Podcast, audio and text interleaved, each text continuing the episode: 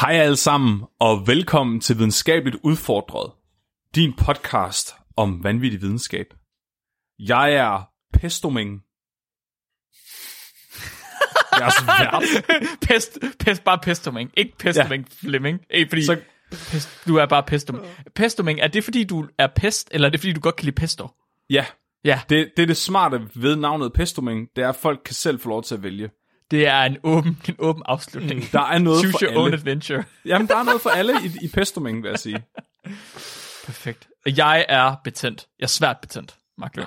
Og jeg er velsignet af Nergal, Nikolaj. Nagal. What the fuck?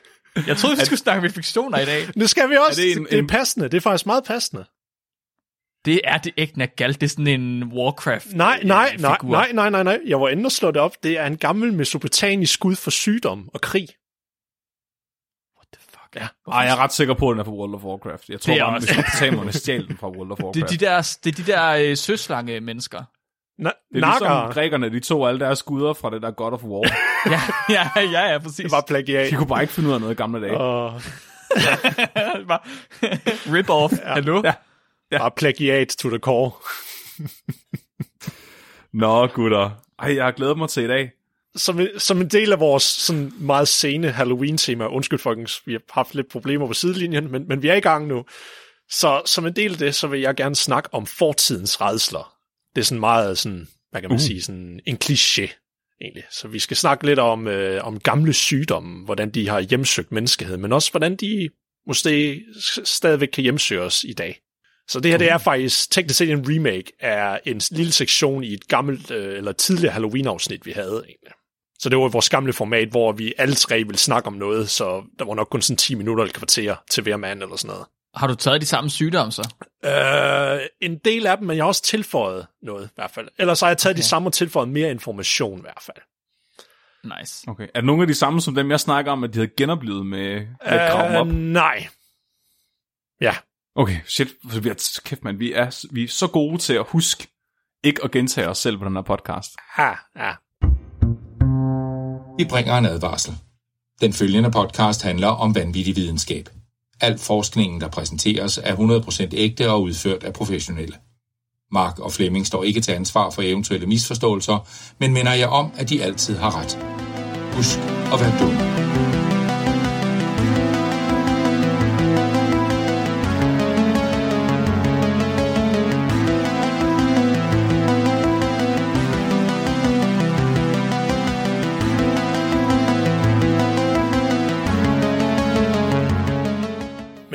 Dykker ned i det, så bliver jeg nødt til lige at forklare om sådan et videnskabeligt felt, eller teknisk set to videnskabelige felter, der sådan virkelig er kommet frem her de sidste 20 år, og det er paleopatologi og paleomikrobiologi. Og som det ligger i navnet paleo, betyder, at du kigger på noget forhistorisk, altså noget, mm, ikke nødvendigvis uddøende, men noget, der ligger tilbage i historien i hvert fald. Og det er ligesom felter, der sådan er, hvor vi øh, for første gang, så er vi faktisk i stand til at kunne analysere for eksempel gamle skeletter og mumier fra, hvad var det, de døde af måske? Altså, døde de af en infektionssygdom, eller hvad var det? Altså, havde de nogle bestemte lidelser eller noget? Det kommer meget mere frem nu. Og så på baggrund af det, så ved vi meget mere om, hvad for nogle form for sygdomme var der i antikken. Og hvad muligvis deres oprindelse, eller hvor, hvor kommer de fra, for eksempel.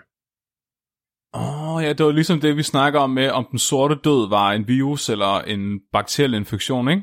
At de havde prøvet at grave nogle skeletter op for at undersøge, Ja. hvad der var hvad. Og lige inden vi Ja. ja. lige dykker ned i alle dem, jeg har taget i dag, så synes jeg lige, vi skal have sådan to honorable mentions, fordi du kan ikke snakke om Ja. ja. gamle sygdomme uden at snakke om de to. Og det er pest og kolera. Vi har haft en, nogle, en håndfuld afsnit, hvor vi snakker om dem. Blandt andet et fantastisk afsnit af, af Mark, hvor han dykker ned i Ja. ja. mekanismerne. Begge to. Fantastisk, fantastisk ja. afsnit, vil jeg sige. Hold kæft, hvor var det godt. Ja. Kan næsten huske, hvad det er. Ja. Pest eller kolera? Kan vide, hvad det handlede om, Mark.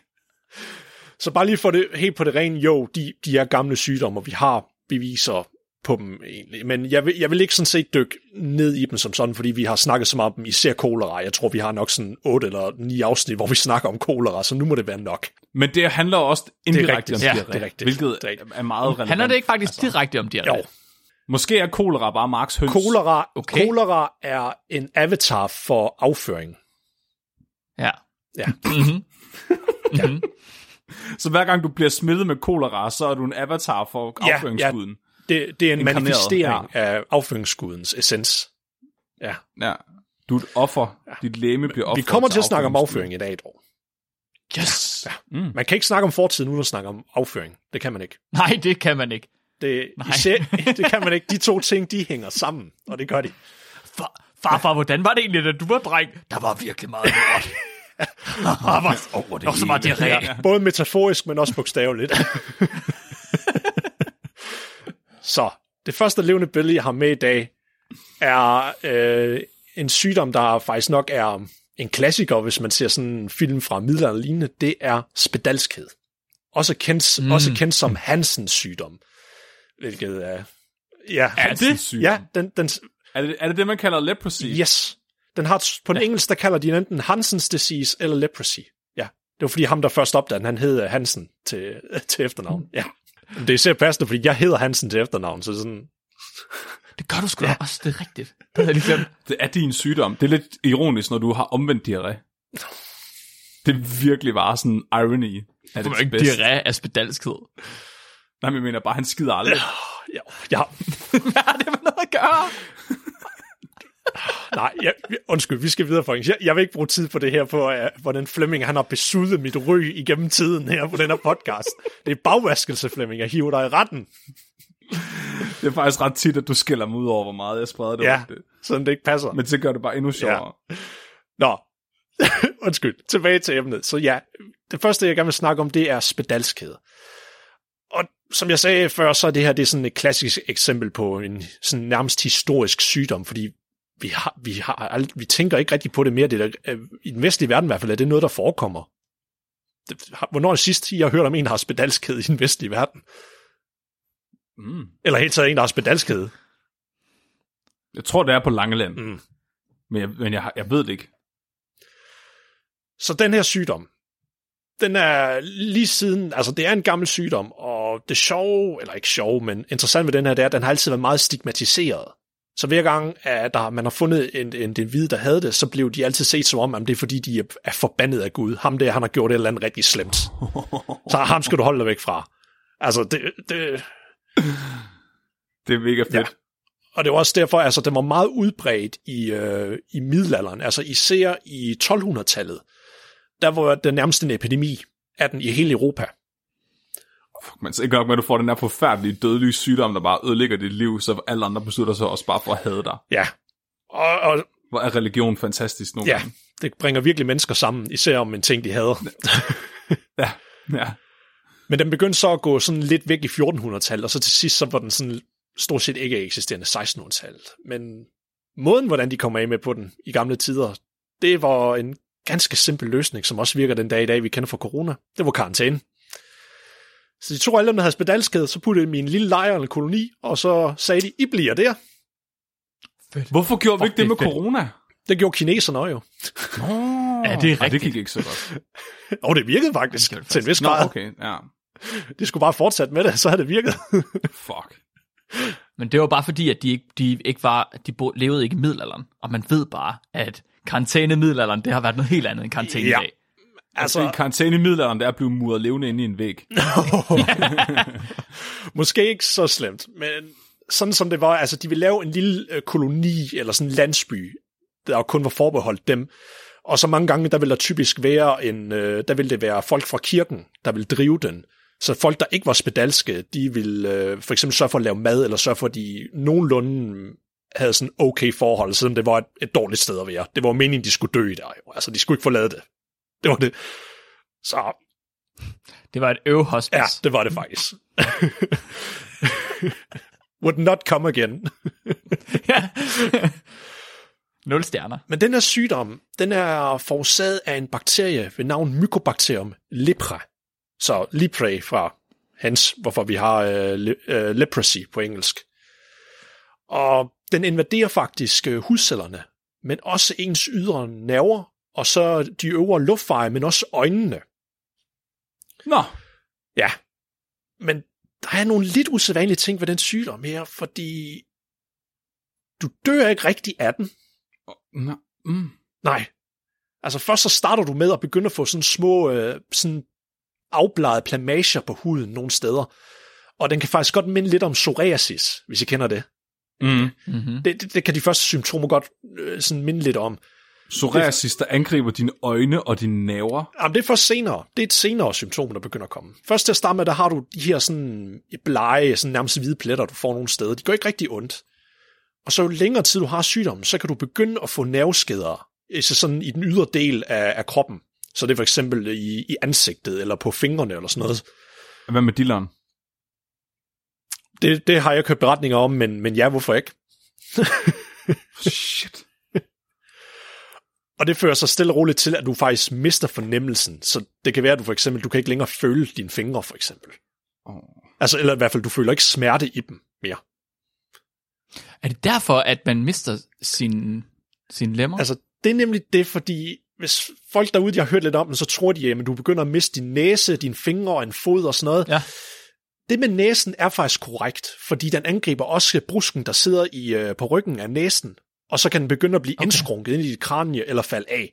Men, det, med, men ja. det med fingrene, det er kun fordi, du ikke kan føle det, så hvis du får andre infektioner eller skader, så kan du ikke mærke det, og så er du mere tilbøjelig til Ja. at få skader. Åh, oh, det er syret. Ja. Så det er ligesom de mennesker, der ikke kan føle smerte, hvor de kommer til at brænde sig på kogepladen, fordi at Ja. de ikke kan mærke det. Præcis, præcis. What? Fuck. Og det andet, som den så, ud over næsen, den er rent faktisk angriber, og så øh, nervecellerne, så kan den også godt finde på at angribe struben, sådan så de begynder at få sådan en hæs stemme, så, så hvis I nogensinde har spillet Fallout, Jeg skulle lige til at sige, at det bare ghouls? ja, det minder faktisk meget om ghouls, så de begynder at talk like this. Det er heller ingen næse. Smooth skin. men, men, men, men det er ikke sådan, den, den i sig selv sygdom er faktisk ikke dødelig, set ud til egentlig. Altså, du kan godt dø af den, men så skal du have haft den i rigtig, rigtig lang tid. Som regel, så dør du højst synligt mere af andre infektioner, på grund af, at du begynder at have, at have åbne sår. Jeg kom på øvhospice. Ja.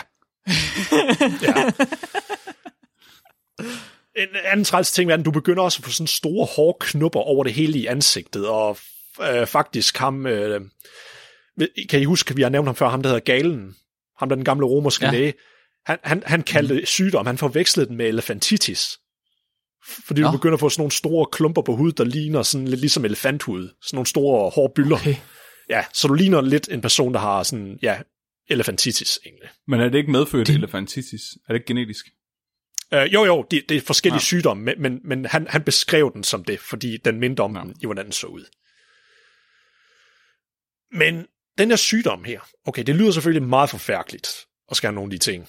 Altså, du bliver fuldstændig ansigt ødelagt. Altså, for livet er du, har du et øh, vandskabt ansigt egentlig, hvis er, du render med det lang tid. Men sygdom er faktisk afsindig dårlig til at sprede sig. Du skal virkelig gøre dit bedste for at få det her. Altså, jeg snakker om, du skal stå og, og kysse, altså snave med en person, eller, eller drikke hans spyt, eller sådan noget, for der er en chance for, at du bliver smittet med spedalskhed. Hvor? Ja. Hvad? Altså, altså selv, selv hvis du rører en person i ansigtet med spedalskhed, så er det ikke engang sikkert, at du bliver smittet med det. Og selv hvis du får bakterien, så er det ikke engang sikkert, at den kommer i udbrud overhovedet. Du kan, vildt, du kan have den i sådan 20-40 år, før den kommer i udbrud.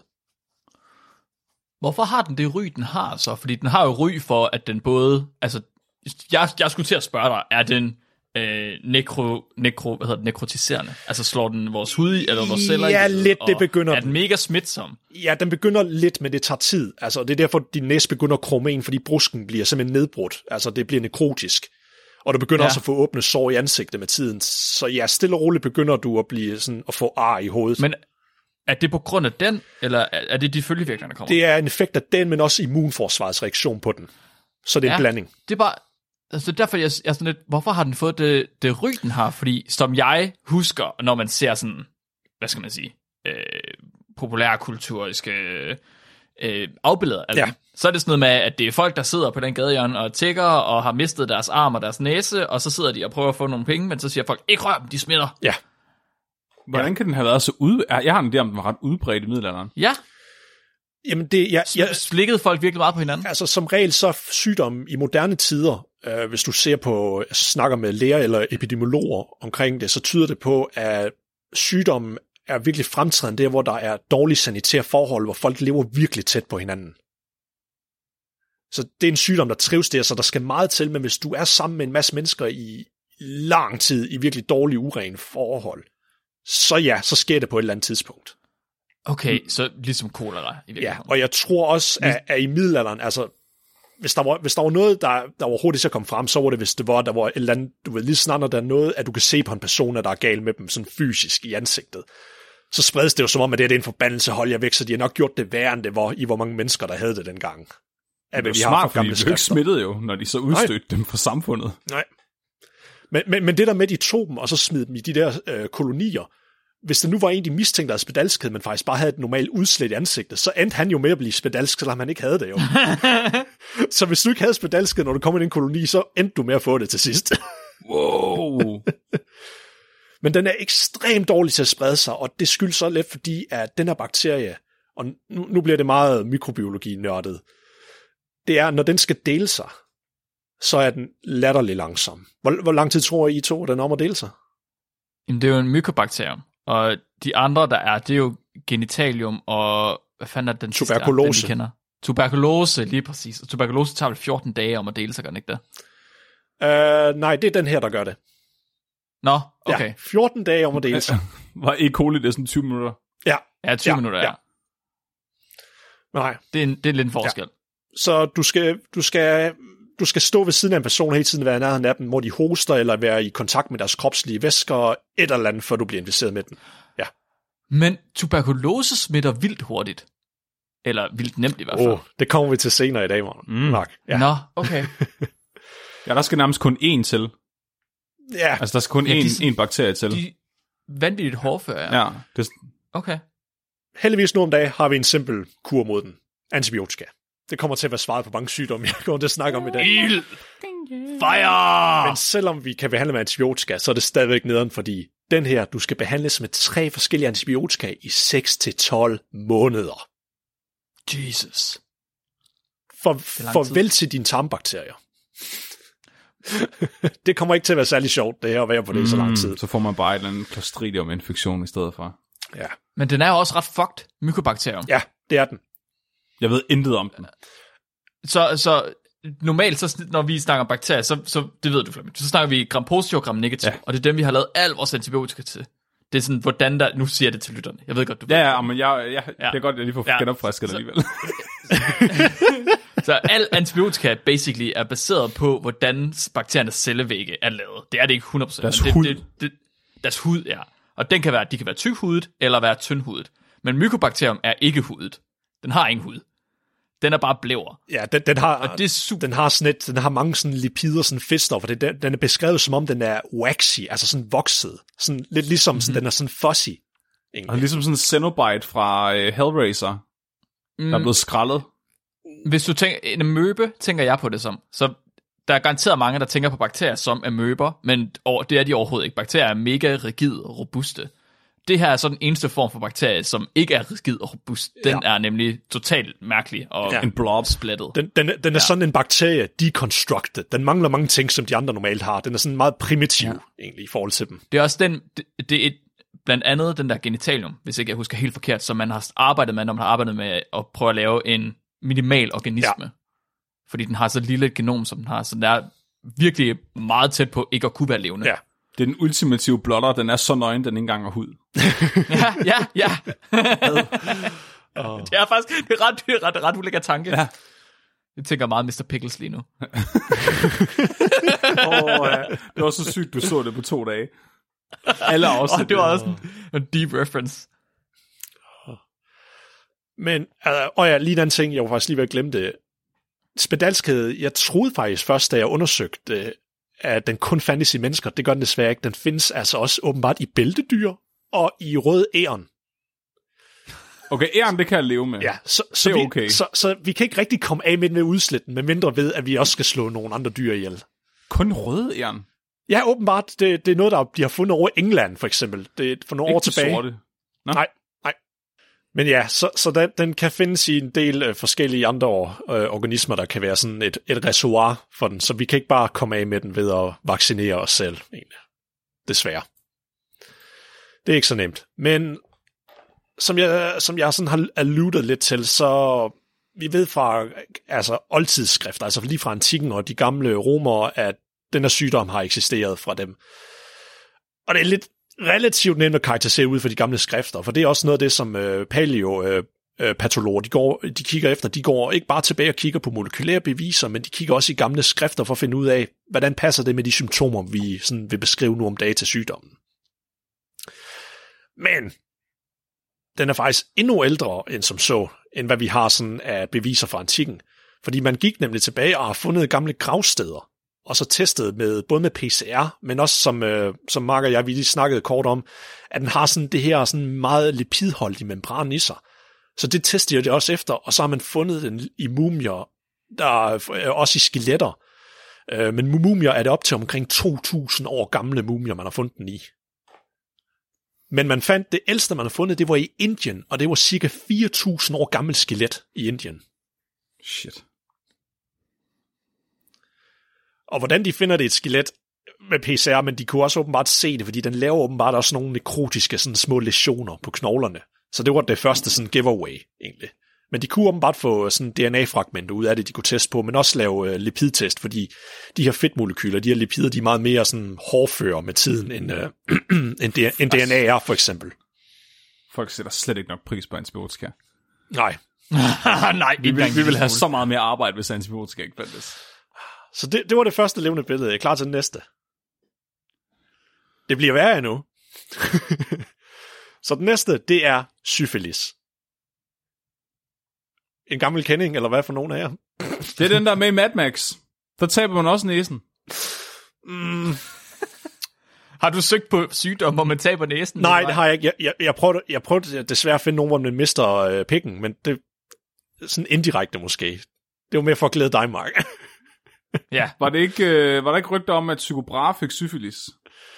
Men det var ikke havde fået hugget næsen af en duel. jo, og, Han havde fået hugget næsen af en og der har også været rygter om, at Einstein havde det også. Men det, Syfilis. Ja, men det blev debunked. Det, det, havde, det, det var han ikke under sin øh, adoption, da de kiggede på ham, fordi du kan se det i hjernen andre steder. Men det kommer vi til. Nå ja. Ja, okay. Ja, ja, ja. Så det her, det er faktisk også en sygdom, der er forårsaget af en bakterie. Den hedder tripono, Triponema pallidum. Ja, jeg tror, det er sådan, det skal udtales. Ja. Godt nok. Ja. Og der er sikkert, jeg, I alle sammen I er nok bekendt derude, i hvert fald en stor del er nok bekendt med det, her, det er en, øh, en seksuel sygdom, så selvfølgelig bliver den, smitter den under seksuel kontakt, men den kan også, hvis det er, at du allerede har den, og du så for eksempel er mor, så kan du også for eksempel give den til dit barn, for eksempel, mens det er et foster, desværre. Men måden den, altså når jeg siger, at den smi- smitter ved seksuel kontakt, så er det ikke kun ved, at man uh, do the old hanky-panky, men det er også, hvis det er uh, ved oral sex. Så længe du kysser på det, hvor der er et sår, så kan du også få den i munden. Og jeg tror også, det er sådan, var der ikke et afsnit, hvor vi snakker om, ja, de gamle Ægypter havde det i øjet, eller hvad var det, eller sådan noget? Hmm, det kan godt ja, være. så, så hvis du får væ- seksuelle væsker i øjet, eller sådan noget, så kan du sikkert også godt få syfilis i øjet, tror jeg. Hvis du får seksuelle væsker i Ja. Det er en god måde at sige Ja. det på. Så når du får den her sygdom, så vil den sådan efter to til seks uger, der vil det starte med at vise et, som regel et enkelt lille lesion på kontaktstedet. Men det er smertefrit. Du kan ikke mærke det overhovedet. Så hvis du har fået det på pikken, så vil der være en lille rød sådan, øh, åbent sår eller sådan noget på den, der er smertefrit. Au. Ja. Au. Nej, det gør ikke ondt. Det gør ikke ondt overhovedet. Nå nej. Og så efter 4 til 10 uger, så begynder du at få et, lidt eller det samme, bare sådan begynder at sprede sig til håndfladen eller fodsålerne. Og du kan også begynde at få sådan små prikker på fingrene. Og så efter det, så stopper den. Vildt underligt. Så er der næsten ingen symptomer, og hvis der endelig kommer det, så kan det være, at den bare går tilbage til dem, jeg lige har sagt før igen, sådan frem og tilbage. Men så kan der gå flere år, før der sker noget igen. Og det næste, der så sker, hvis man ikke er gået til behandling endnu, og det var det, der skete før hen i tiden jo, nu begynder det nasty shit at ske ved syfilis. Det næste stadie her, det kan ske lige mellem 1 til 46 år, efter du har fået syfilis. ja, det er virkelig the long game, det her med nogen. Og det hedder den tertiære fase. Uh, ja, det glemte jeg at sige. Der er en primær, sekundær, latent. Den latente tæller ikke som nummer 3. Den sidste hedder den tertiære. Og den kan manifestere sig på tre forskellige måder. Den ene, den hedder gumatøs syfilis, som er den mest type i det cirka 5% af tilfældene. Det er der, hvor man begynder at få store tumorlignende gevækster rundt omkring i hovedet. Mm. Ja, det, det, du ved, du ved mm. forestille dig, I kan godt huske, vi har dem der, der fik det der, øh, hvad er det nu, det der gøjter, hvor din... Øh, Ja, ja, ja. ja, ja. i stedet for du... Halspuder. Ja, hvis, Stroma, hvad, Ja. hvad, hvad hed? du, du kaldte det halspluder, Flemming. Ja, det var det, Inger nu... Nå nej, det må jeg ikke sige. Ja, hvad? Det var, øh, Inger, ja, min farmors kusine havde det rigtig meget. Okay, okay. Den var Er, meget, er det ikke jeg var, nemmere? Nej, okay. Jeg var meget bange for hende som barn, Ja. når vi var ude at besøge. Men prøv, prøv, prøv at forestille dig, at man har sådan en stor gevækst, men bare det er rundt, rundt omkring i hovedet i stedet for. Og så ikke bare har du de her tumorlignende gevækster, de begynder også at åbne sig op, sådan, så du får store åbne sår i hovedet. Uh. Ja. Det, det hedder en gumma, åbenbart. En guma. Ja, G-U-M-M-A. guma. Ja, jeg, jeg ved ikke, hvor ordet det kommer fra. Den Det var er hans guma, der opdagede den. sikkert nok. Den anden måde, det kan manifestere sig på i det her sidste stadie, det er neurosyfilis. Og det er nok den voldsomste af dem. Det er nok den mest dødelige. Neurosyfilis lyder som en sygdom, som der er nogen, der har fundet på et computerspil, fordi at de synes, det lød voldsomt. Ja, det er enig med Mark. Enig. Det, Syfilis i hjernen, er det, du siger til yes. mig? Det kan man ikke. Det, syfilis er en sygdom på pikken, det er ikke en sygdom på hjernen. Åh oh, nej, ikke hvis du er dum nok til ikke at gå til lægen. Se, syfilis, den begynder nemlig at lave din hjerne om til en, til en svejseost. Den laver glory holes. Ja, så, så, Nej, nej, nej. Så du, du får faktisk meningitis af den. Men den kan også gøre andre ting. Det, åbenbart, altså, da jeg prøvede at slå den op, øh, tilbage i, jeg tror det var 1800-tallet, der var der en, øh, en kendt læge, jeg kan ikke lige huske hans navn, det var lige meget, men han kaldte den for den store imitator. Fordi det her stadie, også i nogle af de andre, der minder den om så hjernedød mange andre sygdomme, at hvis du ikke har helt sygdomsforløbet, så kan du forveksle den for eksempel med spedalskhed. Kan du forveksle den med. Mhm. Mm-hmm. Du kan også forveksle den med kopper. Altså alle mulige andre sygdomme. Også Lige med, indtil med, din hjerne løber ud af næsen på dig. Nej, for så begynder det at ligne hulgalskab. Fordi du, Ah. du kan også begynde at blive aggressiv, altså og begynde at hallucinere og miste altså sådan nerve øh, motorkontrol for eksempel, og sådan noget, afhængig af hvorhen den sætter sig i hjernen. Alien Hand Syndrome lige pludselig. Måske. Det er også derfor, jeg hørte, der er nogen, de har en teori om, at det er forklaring på, hvorfor nogle af de gamle romerske kejser, de var sådan lidt bim-bim oven i bøtten måske. Fordi de har syfilis. Og bly i alt. Og Ja. bly. Så den sidste version i det tredje stadie, det er så kardiovaskulær syfilis. Og det fører til, at du får sådan det, der hedder en aneurisme, så det er udvidelsen af hovedpulsåren, for eksempel. Så ja, og det dør du af åbenbart, fordi du får forhøjet blodtryk, eller i hvert fald problemer med dit øh, vaskulære system, eller kardiovaskulære mm. system. Men sygdom, jeg nævnte før, at den kan smitte fra mor til barn. Og det er her, hvor den også kan være rimelig nasty, fordi hvis du bliver født med syfilis, så begynder du at få det, der hedder en sadnæse, og det er det samme, ligesom der er i spedalskhed, men du får den der indtrykte næse, eller en næse, der bare fuldstændig er væk. Og du begynder også, du kan have en, en lever og en milt, der er sådan 70% større end normalt. Det er sådan, Det er da meget sejt. det tror jeg ikke helt, det er. Det er, jeg tror ikke, det er fordi, de er bedre, Flemming. Mere er ikke bedre Nej, i det her tilfælde. Større og bedre. Ej, Altid. nej, ikke når, Den er, altså, hvis, hvis, hvis du pumper vand ind i en kylling, smager den heller ikke bedre. Men den er større. Det er rigtigt. og så er den er bedre. større. Nå, okay. Jeg kan godt se det. Svært at argumentere imod. Ja. Så hvis den endelig kommer til de her sene stadier, og størstedelen af tiden, der, der, der vil den højst sandsynligt resultere i, at du dør. Af hvad jeg kunne finde ud af. Jeg kunne ikke få det eksakt sådan dødelighedsprocent med den, men jeg går ud fra, at hvis der du får meningitis eller sådan noget, så det kommer du ikke tilbage fra, uden du får hjælp overhovedet. Men den her sygdom, den er faktisk, altså den er beskrevet i den sene middelalder, så det er omkring lige i slutningen af 1400-tallet. Der var der mange af de der, de der tab, hvad hedder det, hvad hedder tapestry på dansk? Øhm, Gobeliner. Væv. Ja, vævede tæpper. ja, det var, det, Væg- det, det var, ja, det var meget, Det ja, det var meget populært i middelalderen, også malerier, hvor man har skildret mennesker med, med symptomer fra syfilis. Og Ja, det er meget populært. Det var sådan, hvad skal jeg hænge i mit kæmpe store slot til at dekorere væggene? Jeg kunne få malet et portræt af mig selv. Jeg kunne få malet et tidspunkt i verdenshistorien, eller også kunne jeg få malet Henning ned på hjørnet, der er ved at smelte. ikke helt sådan, fordi de royale mennesker havde det jo også jo. Så vi ved, nogle af dem, der havde det, eller hvis det var adelige mennesker, så så vi det jo på deres portrætter af dem selv jo. Åh, oh, nå. Ja. Så det havde gaven. Ah, hej. Ja, Kommer lige på besøg her til sommer. Jeg har taget et selvportræt med. Åh oh, nej, jeg troede, vi, vi hænger det bare op, når nogen kommer på besøg. Så men det, det er lidt svært at skelne, hvad det var, de mente, fordi mange gange, de kunne også bare have forvekslet den med spedalskhed, nu når den laver de her sådan deforme ting, eller sørger for, at dit ansigt bliver deformt. Så det er lidt svært at 100% bekræfte, hvor det spedalskede, de skildrede den gang i hvert fald. Okay. Det er lige gået op for mig, det maleri, du har fået lavet af mig, Nikolaj, det er også baseret på et billede, hvor jeg har virkelig meget diarré. og det kan man godt se i mit blik. Altså, så det er måske egentlig moderne udgave af spedalskhedsbilleder ja. af hængende. Ja. ja. Så det første udbrud, at vi har altså sådan mere beviser på historisk set, der skete, det var tilbage i øh, 1495 i øh, Napoli, efter at Karl den 8. af Frankrig, han invaderede med 50.000 tropper. Så, med, og, og ja, det skal også lige siges, den her her, de havde selvfølgelig sådan en lille øh, supporttroppe ved siden af 800 individer, bestående af kokke, lægehjælper og prostituerede. Nå!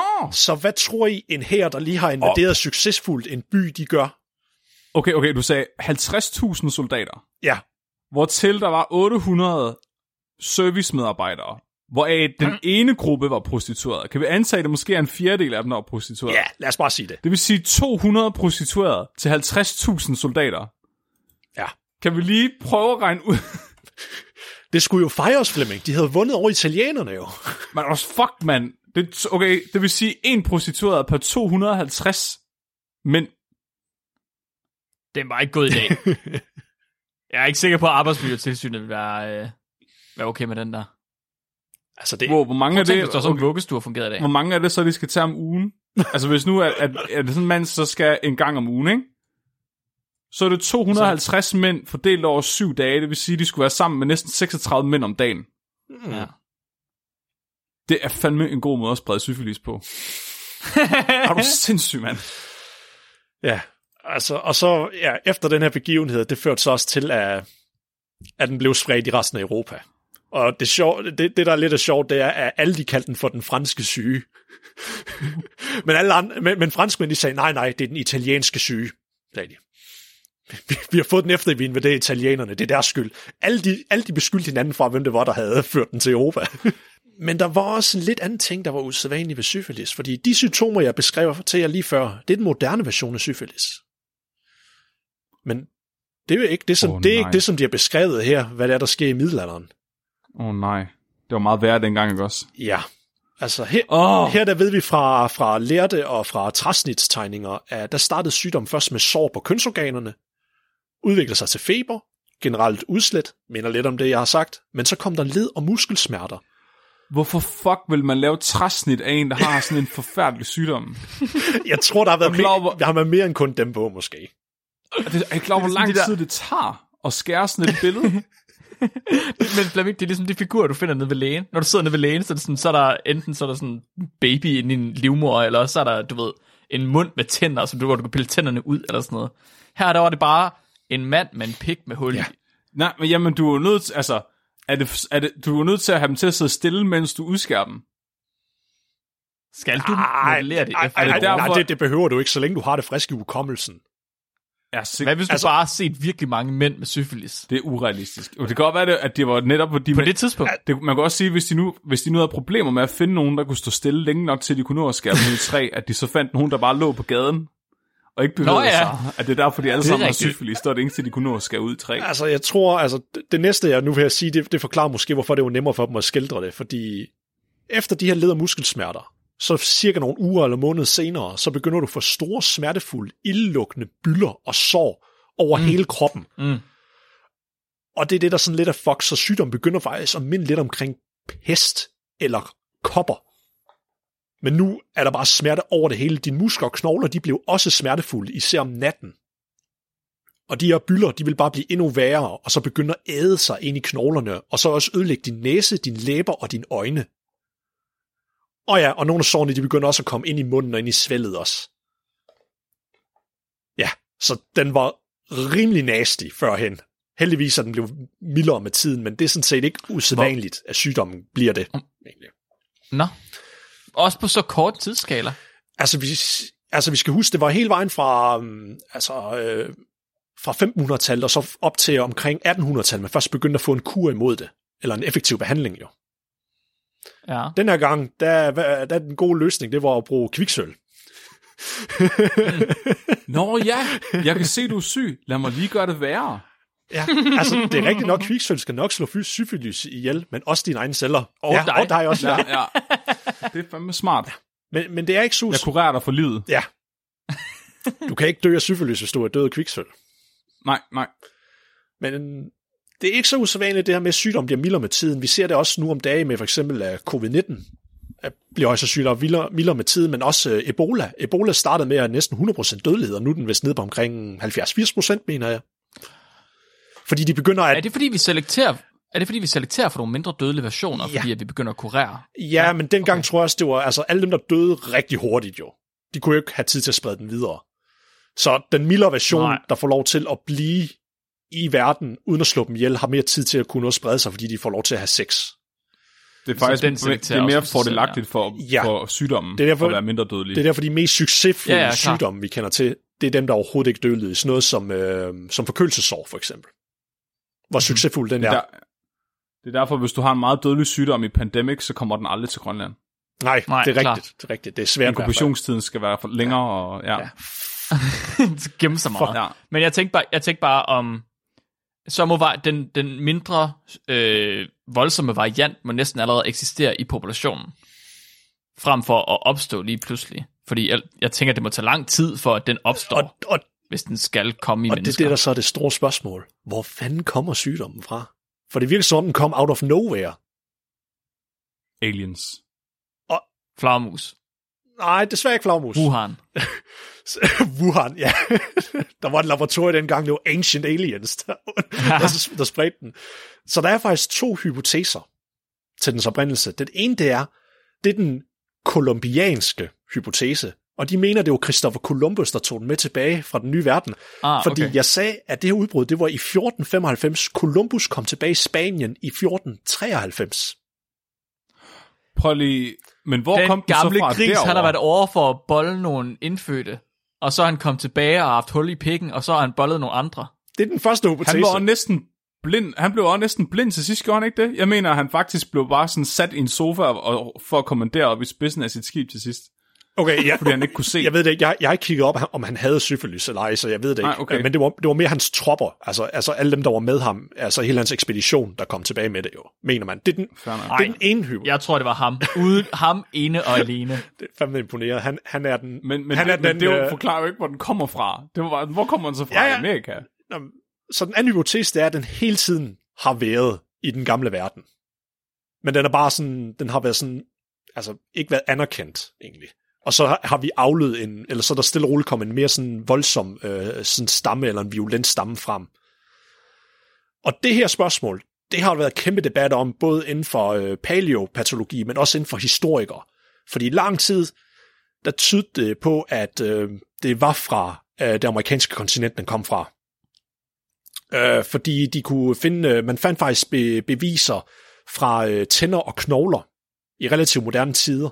Fordi som sagt, den, den laver også lidt øh, øh, sådan, øh, der er beviser på selve knoglerne, du kan se det, men du kan også teste for det. Og så tænker man, alright, der er beviser Amerika om, that's proof set. Columbus tog den med tilbage. Det var det. Det var, øh, det var hævnen for, at vi gav dem kopper, så gav de os syfilis. Mm. Men det er faktisk ikke helt så lige til.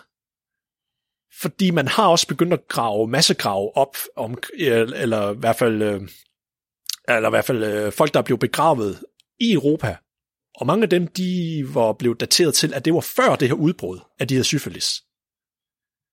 Så det ser ud som om, den er opstået for flere tusind år siden, hvor at der var sådan en kommunikation med begge dele, måske mens menneskeheden migrerede, eller at den opstod uafhængigt af hinanden. Mm-hmm. Men i hvert fald det ældste bevis, vi har fundet for den, det er et næsten 10.000 år gammelt skelet fra en meksikansk grotte, at vi har fundet den. Men vi har også fundet den i Europa, før den her epidemi fandt sted. Så det er stadigvæk sådan op for graphs, hvornår den kom til. Altså man, man har øh, fundet andre tidligere stammer, man tror, den er kommet fra, men ellers så kan man kun estimere det fra det her, det er noget, vi kalder for molekylær biologi, det der molecular clock estimation hvordan du estimerer dens mutationsrate, hvor lang tid er der gået mellem en tidligere stamme. Det er det eneste vi har gået gå på, men det er ikke så gode beviser. Så den er stadigvæk op fra, hvor fanden kommer den fra? Men en ting er sikkert i hvert fald, det skyldes ikke en bestemt gruppe af mennesker, der har ført den hertil. Den, det kan være begge dele, at der er sket i hvert fald. Vi er faktisk den eneste værtorganisme for den. For syfilis. Fucking Så vi røvhulssyg. er i stand til at kunne udrydde syfilis fra den her jord. Hvis, Kan vi ikke lige aftale, at der er nogen, der går ud og har sex med nogle aber eller et eller andet, bare lige for at- at dele byrden lidt? altså, jeg, jeg mener, der er andre varianter, der inficerer nogle andre ting, men, men specifikt den her, jeg har snakket om, den inficerer kun mennesker. Så vi kan komme af med den, hvis folk bare gider tage sig sammen. Fordi jo, du kan få antibiotikabehandling af den, ja. Øh, faktisk en rigtig god kur, man fandt, det har I- vi snakket om på podcasten lidt tidligere, det var, hvis du får malaria, så kan du komme af med syfilis. Fordi så dør du. Nej, det, det er feberen. Nå, ligesom kviksøl. Nej, meget hellere have malaria end have kviksøl som en kur, fordi den ser ud til at virke faktisk, og du kan godt overleve malaria. Øhm, så vi kan sagtens godt komme af med den, hvis folk vil tage sig sammen. Den nemmeste løsning, det er bare brug prævention. Brug beskyttelse, når jeg er sex. Og så, så efter mange generationer, så skulle den nok stoppe med at være her egentlig. Det, det er lidt interessant, og også i, hvad hedder det, sammen med din pointe, Flemming, med at det må enten være kommet fra en eller anden naturlig niche, eller fra et andet dyr. Hvis ikke den kommer fra et andet dyr, så må den være kommet fra en anden naturlig niche. Mhm. Men har den så over tid specialiseret sig så meget, at nu kan den kun være i mennesker?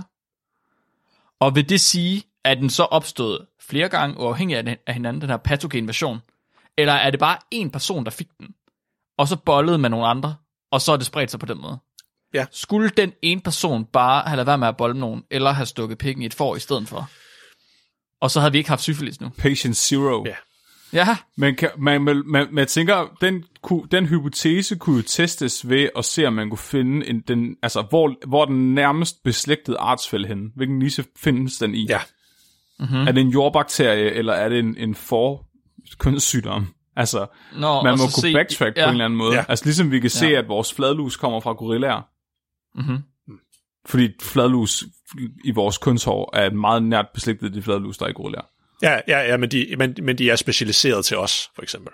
Ja, ja, det er blevet, ikke? Ja. Efter Patient Zero tog en meget, meget modig beslutning. Det hul der, det skal bare ind i et andet hul. Åh oh, nej.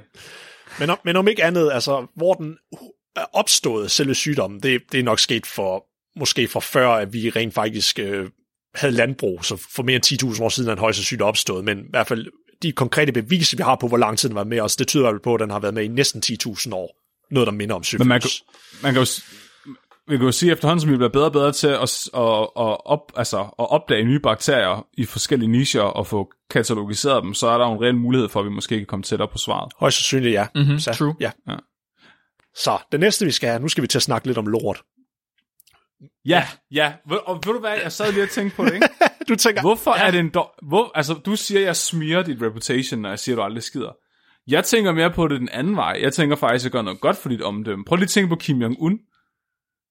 Ikke? Altså, Kim Jong-un er jo den eneste anden person ud over dig i verden, der er kendt for ikke at skide.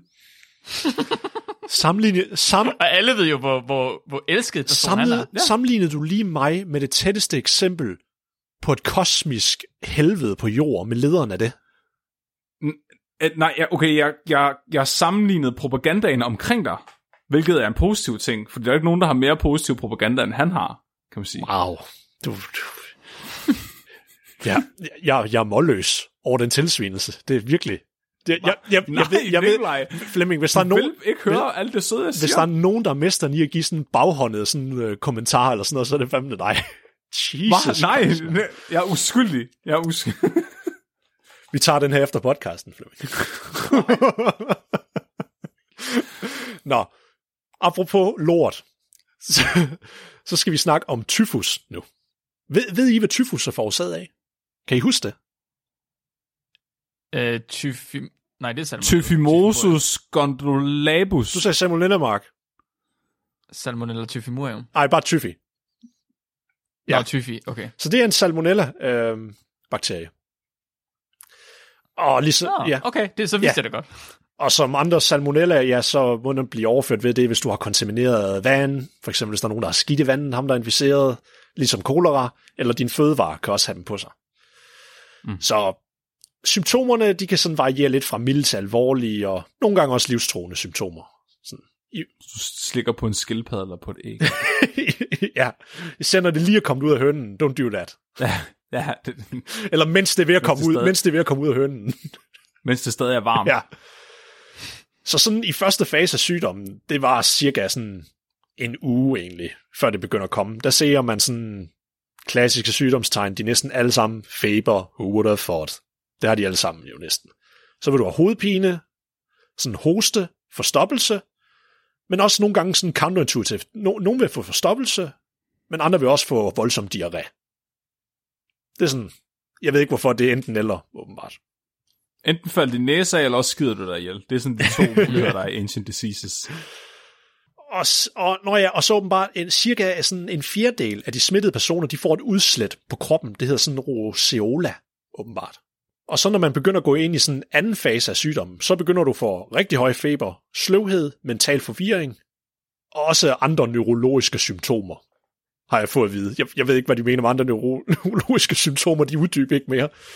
Uh, og, ja, og så fandt jeg en beskrivelse af diarréen. Det kan ligne ærtesuppe eller være blandet med blod. ja, Mm. yes. Dejligt.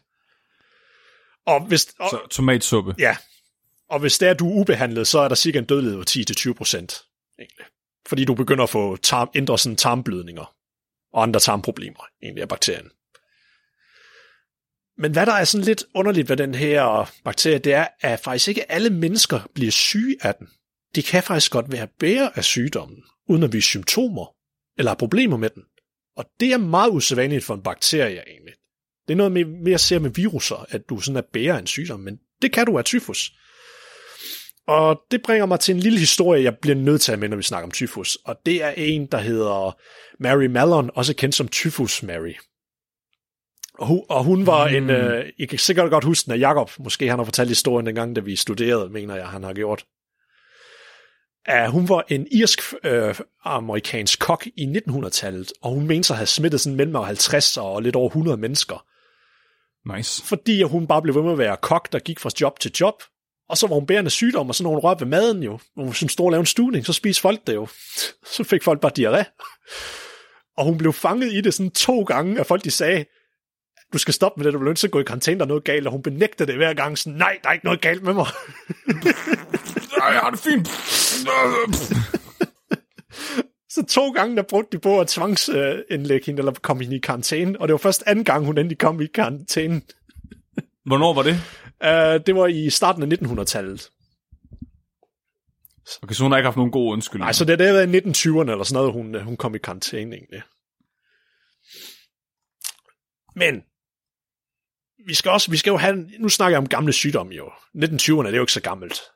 Så, hvis vi tager med mig tilbage til antikens Grækenland, vi skal cirka 2.500 år tilbage, til den gang, hvor Athen og Sparta, de havde hinanden og ført krig. Så under den øh, peloponnesiske krig, der i Athen, der kom der en kæmpe stor epidemi, hvor folk de bare så skede sig selv ihjel. Hmm. Ja. Det er fandme nederen. Mens, mens de spartanske soldater, de stod uden for byen og bare sådan kiggede ind sådan, ha, vi skal fandme ikke derind. Så stod de bare og ventede jo. Vi får satan. ja. Og det endte så, at der døde i, øh, i Athens befolkning, der døde der mellem 75 øh, og 100.000 er det estimeret til. Så en fjerdedel af befolkningen døde. Af diarré. Ja. Og så en fjerdedel mere, der spartanerne så kom ind bagefter, eller hvad? Øh, Ja, de, de, Altså, altså, de, de tænkte bare, ad. Jeg ved ikke, om de bare ved det ind og overtog byen. Nu var der jo ingen modstand jo. Det er lidt svært at yde modstand, hvis du har travlt med at skide. Var bare lort over det Ja. ja. hele. De gad ikke have den mere. Ej, nu er den blevet ulækker. Jeg vil ikke have den. ja.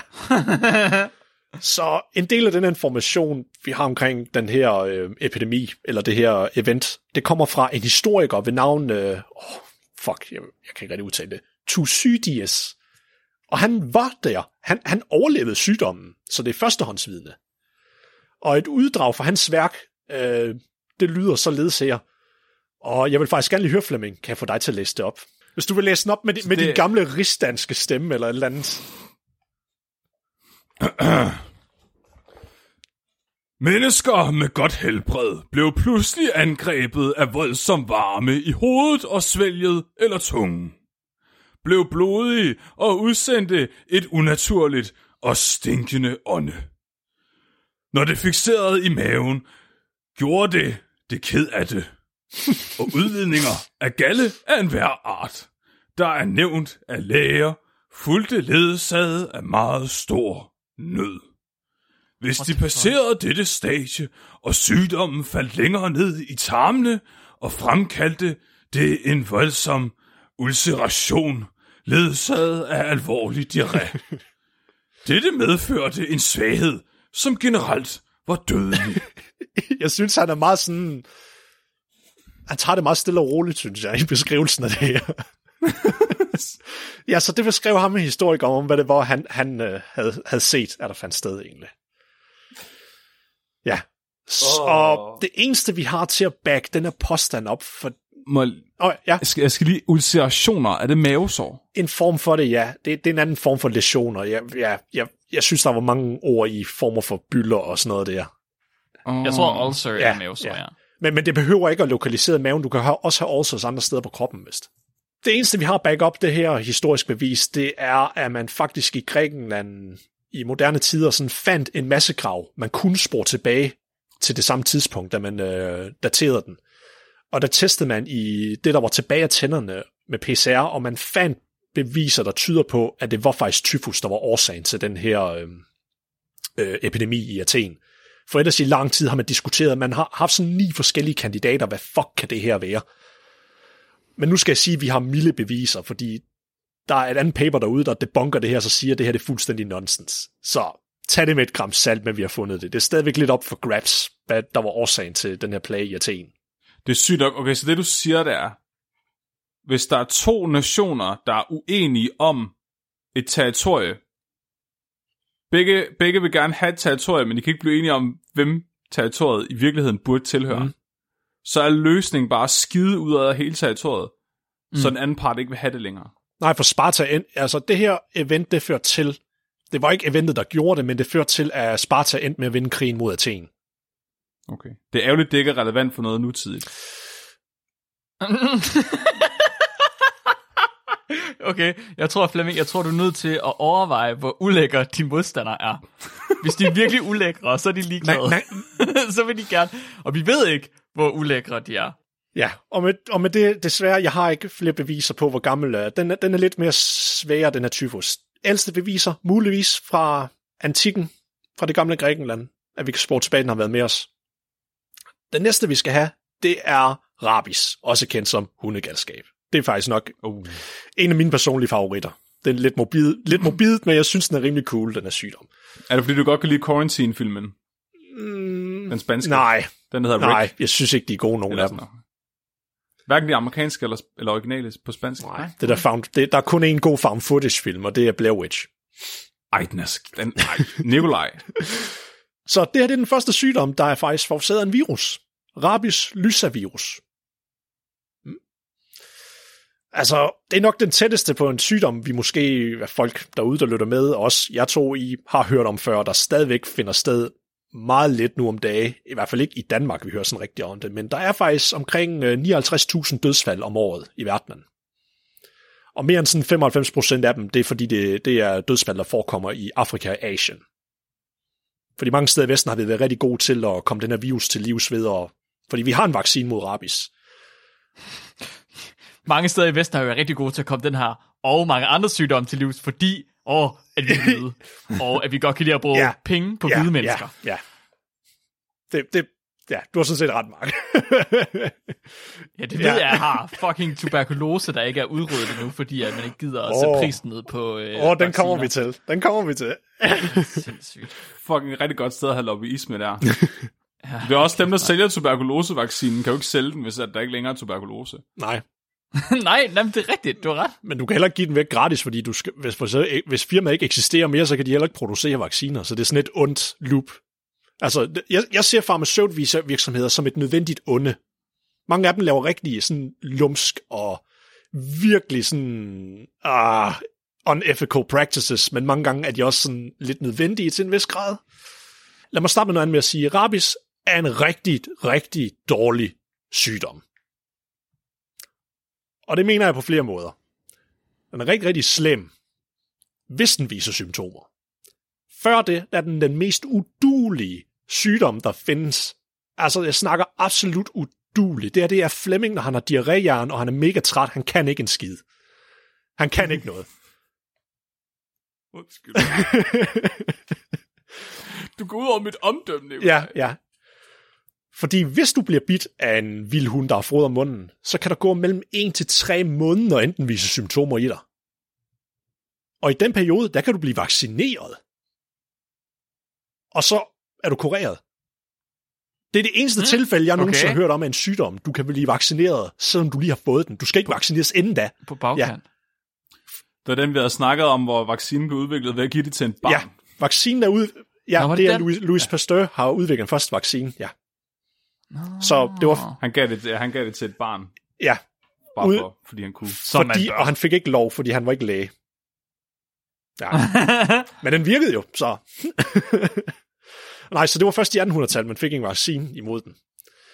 Men hvis, det, hvis du så endelig i moderne tider er så uheldig, og ikke at tænke over at gå til lægen inden for tre måneder, og hvis du så endelig begynder at vise symptomer, så det første symptom, det er som regel øhm, afhængig af hvorhen, for eksempel hvis du blev bidt i halsen, armen eller sådan noget, så kan det, gå, så kan det godt gå lidt hurtigt, hvornår det manifesterer sig. Men som regel begynder du bare at få feber, og så hovedpine.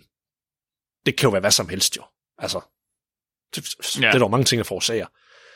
Men så der så begynder at gå lidt tid, så begynder den virkelig at blive nasty, fordi en ting rabiesvirusen virkelig gerne vil have, den vil rigtig gerne op og putte nutte op i din hjerne. Mm. Det er der, hvor den gerne vil have. Op og lave glory holes. Yes. Oh, Så den begynder at gå derop, og den laver, hvad er det, encephalitis, ja, et meningitis, og så begynder den også at lave infektion af hjernen, sådan så din hjerne begynder at hæve op, og så trykke ind mod dit kranie. Nice. Og det fører til nogle meget sådan usædvanlige symptomer. For eksempel, der kan du få sådan partial øh, lammelse. Øh, du kan få, øh, øh, hvad hedder det nu, anxiety, øh, angst, øh, søvnløshed, forvirre, øh, du kan blive forvirret. Du kan også blive aggressiv. Hens hvorfor mange dyr, der har det, de bliver sådan usædvanligt aggressive. Det er også smart, når det smitter gennem bid, ikke? Præcis. Du kan få paranoia, hallucinationer, men den virkelig usædvanlige, det er hydrofobi. Ja, Det er rigtigt, ja. Det er Ja. rigtigt. Men, men der er meget en misforståelse med det. Det er ikke sådan, så hvis du er i nærheden af vandet, så er det sådan, åh oh, nej, jeg vil ikke i det vand. Det er ikke sådan, at det, det er faktisk lidt misvisende, man vil kalde det det. Så det, de mere mener, det er, hvis du for eksempel begynder at, hvis du får folk, der har det til at drikke et glas vand, så kan de ikke sluge det, så begynder de at spytte vandet ud. De kan simpelthen ikke fysisk gøre det. Ja, det er vildt underligt. Det er vildt underligt. Ja, Hvordan kan det være fordelagtigt for sygdommen? Er det fordi, man så fjerner viruspartiklerne fra munden, så den smitter dårligere ved bid? Altså, der må være et eller andet, der har, altså, jeg tænker, der må være noget, der har selekteret for den meget specifikke adfærd. Siden at det, altså, det må være fordelagtigt for rabies på en eller anden Ja, måde. altså det er jo, det er jo fordi, altså rabies, udover den rigtig gerne vil op og så sætte sig i dit centralnervesystem, så sætter den sig også i dine spytkirtler. Sådan så, øh, ja, og så nu når du ikke har lyst til at drikke vand eller kan sluge, så bliver du rigtig tør i munden, og så begynder du at producere mere spyt til en vis grad jo. Mm, ja, det giver Ja. mening. Fordi jeg tænker, ellers er det jo noget, der vil stå værtsorganismen ihjel hurtigere ikke at drikke vand. Så det må være, fordi det har en eller anden fordel. Ja. Altså en cost-benefit ting. Ja. Sejt. Øh, desværre, øh, jeg har ikke fundet der indtil videre i litteraturen at sige det, der har ikke været et eneste dokumenteret tilfælde af et menneske, der har bidt et andet menneske og så spredt rabies, men vi ser ingen grund til, hvorfor det ikke kunne ske. Rick, Rick, Rick, Rick. Nej, det er Quarantine. I Rick, der er det en dæmon. Og det er her, hvor inspi- og Quarantine, der er det generelt er det her inspiration til alle zombiefilm, der er derude. Det er som regel altid rabies, de tager inspiration fra. Ja, 28 dage senere er nok den mest Ja, kendte, ja. tror jeg. For Eksempel. det er rigtigt det med, at du bliver mere aggressiv, ser det ud til, at mere irritabel, hvis du har det, når du når til det her senstadie. Men lige så snart, som jeg sagde, altså, når du når det stadie, hvor rabies viser symptomer, så er det en dødsdom. Der er intet på den jord her, der kan hjælpe dig. Den er stort set 100% dødelig. Det er den dødeligste infektionssygdom, vi kender til. Nice. Ja. What? Jeg kan kun, af tilfælde er der på sådan under, hvad jeg kan til på en hånd, af folk, der er dokumenteret, der har overlevet den. Efter den har vist symptomer. Det, det er ligesom i 28 dage senere. Så et af dem, som jeg lige kort vil have med her, er en historie fra en 15-årig amerikansk pige, der hed Gianna. Og hun er den første tilfælde af en ikke-vaccineret person, der har overlevet rabies. Og hun blev øh, bidt af en flagermus, mens hun var i sin lokale kirke. Jeg ved ikke, hvorfor der er en flagermus i en kirke, om det var satan, det ved jeg ikke. Lidt, lidt, lidt sjovt egentlig. Uh, meget ironisk til en vis grad. Hun blev taget til Milwaukee-hospitalet nogle øh, måneder efter, fordi hun tænkte jo ikke mere over det jo. Hun var kun ja, en teenager, en ung teenager. Og så den eneste lægen, øh, lægen, lægen tog den beslutning at putte hende i et koma. Og det var udelukkende for øh, at sørge for at mindske immunresponses, øh, ja, respon, altså immun, mindske effekten af immunresponser på hjernen, sådan så at den ikke hævede lige så meget op. For det er det, det, er det der gør, at du begynder okay. at gå i en choktilstand og begynder at bløde hjernen. Hvis du går i et koma, så dæmper det dit immunforsvar. Lidt ligesom at blive kølet ned på en måde. Og det gjorde, at hun faktisk overlevede, heldigvis. Men det er ikke altid virker, men det her det er nok det eneste, man kan gøre for at hjælpe dig, hvis du endelig når til det seneste stadie af Oh, det må være nøgen at blive lagt i det der koma og vide, at man ja. med, med stor sandsynlighed ikke vågner igen. Ja, altså det, det tog hende åbenbart to år at lære at gå igen, fordi hendes nervesystem var så ødelagt. Moralen er at lade være med at gå i kirke. så det er den moderne verden. Så igen, hvor gammel er den sygdom her? Altså, og den er faktisk rimelig gammel, og det er et af de tilfælde, hvor er, der er næsten ikke nogen tvivl egentlig. Men vil de, men vil de folk i antikken, de mener om sygdommen, fordi at beskrive en hund, der bider nogen, og de så dør senere hen af hundens bid, selvom det ikke ramte en, en uh, hovedpulsår eller noget, det, det er ikke rigtigt til at sådan misfortolke. Er vi ikke enige om det? Ja. ja. Jo, nej. Ja, så enig. allerede Hippokrates, så faderen til moderne vestlig medicin fra antikens Grækenland, han har beskrevet omkring det her med, at um, hvis der kommer en vild hund og bider nogen, så som regel, så vil de blive syge og dø, så der er en eller anden overførsel, hvor vores forfædre er klar over, der skete. Men de ældste beviser har vi faktisk okay. fra 4.000 år gamle stentavler fra Mesopotamien. Så Mesopotamien er cirka omkring der, hvor der vil svare til den moderne dags øh, Iran og Irak, det område. Så det er ligesom okay. civilisationens vugge. Det var her, hvor nogle af de ældste og første civilisationer opstod, sådan noget som sumererne og babylonerne, for eksempel. Mm-hmm. Og der, der har man fundet en stentavle. Det var faktisk en stentavle, der beskriver en lov. Så der var en lov mod rabies. Og der skriver de, at bliver en hund øh, rabiat, det hedder det åbenbart, øh, i stedet for rapid, og en menighedsmyndigheden øh, gør det bekendt for dens ejer, men han vogter ikke over sin hund, så den bider en mand og forårsager hans død, skal hundens ejer betale fy, øh, 40 shekel sølv. Hvis den bider en træl og forårsager hans død, skal han betale 15 shekel sølv. Ja, så det okay. er det, man har fundet om det. Så det, det er jo meget sådan sort på hvidt, hvad jeg mener, det her det er rabis, at de beskriver. Ja. En anden en, man har fundet, den er ikke lige så gammel, men sådan, ja, tæt på 4.000. Det var en, man fandt, øh, det er det nok i en af de ældste byer, øh, arkeologiske byer, der hedder Ur, altså UR. Øh. Og der fandt man, at der er skrevet sådan en dialog ind mellem deres øh, gud for healing, der hedder Marduk, og så hans far Enki. Så øh, den her samtale, der er skrevet ned mellem de to guder, det var en bøn, som præsterne ville bruge, hvis du var endelig du blev bidt af en vild hund, og de ikke rigtig kunne gøre mere for ja, dig. Det... Så det eneste, de kunne gøre, det var at bede. Så bønnen, den lyder som følgende. Øh, Åh, min far, med hensyn til en mand, som en rabiat hund angriber, og som sender sin gift til, ved jeg ikke, hvad jeg skal gøre for den mand. Og så svarer faren tilbage, Åh, min søn, for hvad du ikke ved, hvad kan jeg tilføje for ham? Så når selv, så når selv guderne, de ikke ved, hvad fanden de skal gøre, så no. ved du, hvor, så, så ved fucked. du, hvor fuck du er. Ja. Så det er bare lægeudgaven af You Fucked Boy. Ja. Fordi de selv, selv guderne Nej, kan ikke hjælpe selv guden for healing, han spørger sin far, hvad fuck skal jeg gøre? Og han siger også sådan, I don't know.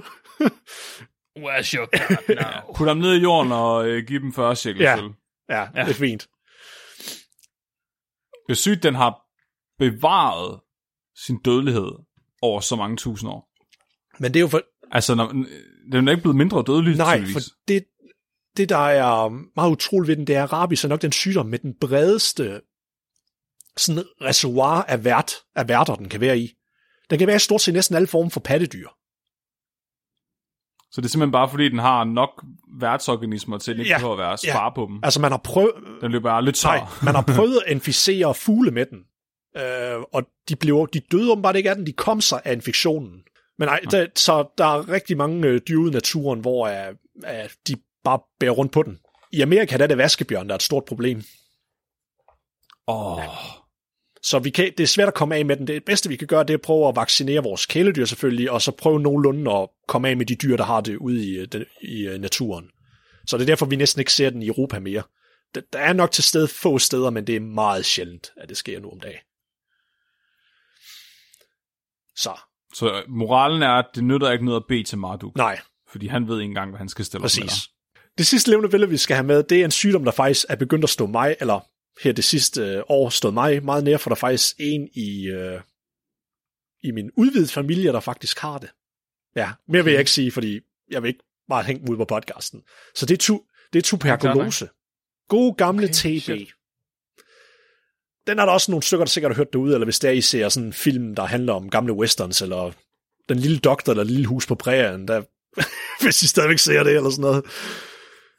Ja, vi har også snakket om den på podcasten før, men jeg tror Ja. meget overfladisk. Så den her, den har været meget kendt op igennem 1700-1800-tallet, er der så mange steder, den er beskrevet. Så det er forårsaget en bakterie, der hedder Mycobacterium tuberculose. Vi nævnte den lige før, og den er i samme øh, familie som, øh, som spedalskhed, også Mycobacterium. Og når, typisk når du bliver inficeret af, af TB, så er det faktisk lungerne, der først bliver ramt, men den kan også godt komme hen i andre organer eller steder i kroppen. Og nu om dagen, der er det faktisk... Ja, okay, hvis vi ser bort fra corona, det er lidt unfair at bruge den måske, men hvis før corona, egentlig, hvis vi ser, eller hvis vi ser bort fra den, så er det den mest dødelige infektionssygdom, der er lige nu, i hvor mange der bliver slået ihjel om året. Det er cirka 1,5 millioner mennesker dør om året af den. Og igen, der tænker vi sådan lidt, det hører vi sgu da ikke om herhjemme. Hvad fanden? Min olle... øh, Jo, min oldemor, hun døde af det. Okay, ja. Og jeg tror også, min oldefar døde af det faktisk. Altså på t- øh, min øh, farfars forældre. Ja. Shit, man. Jamen, vi har stadigvæk omkring, jeg mener sidst jeg var inde og kigge på SSI, det er lidt over 100 tilfælde, vi stadigvæk har i Danmark, der dukker op om året, cirka. Er det, er det så mange? Hold da op. Det er cirka omkring 100 tilfælde, vi har. Men det er stigende, ikke også? Uh, lige nu ser det ud til at holde sig stabilt hen for de sidste fem år. Fordi jeg, jeg kan huske, jeg skrev SAP om det, men det var så for også i år 2013 eller sådan noget. Ja. At, øh, og der var, der var der ikke, der var det, der var det øh, kun en håndfuld årlige tilfælde. Ja. Men største af dem skriver i uh, SSI, at det som regel kommer nogen, der har det med, fordi det, er, det her uh, tal, jeg gav på dødsfald, det er som regel fra Afrika og Asien. Mm. For der har de det stadigvæk. Vi har det ikke rigtig i Vesten, så det er tit folk, der bringer det med tilbage derfra af, i stedet for. ja. Men der er også en uh, tuberkulose bovis, eller undskyld, Mycobacterium bovis. Så en, der inficerer køer, og den kan faktisk også inficere mennesker. Kotuberkulose. Ja, men den er overhovedet ikke lige så dødelig. Den er meget mere mild, men det eksisterer stadigvæk. Og Det er ligesom koudgaven af kopper. ja, faktisk. Faktisk egentlig. Hvor sk- skynd dig at inhalere udåndingsluften fra en ko, Jamen, der er, pro- så der er problemet, over for tuberkulose. den laver ikke uh, cross-immunity, Nå, desværre, Flemming. Det, vir- det virker ikke med TB. jo. Så det er estimeret, at omkring en tredjedel af verdens befolkning har TB. Lad lige den fæse ind. En tredjedel af verdens befolkning. Hold da op.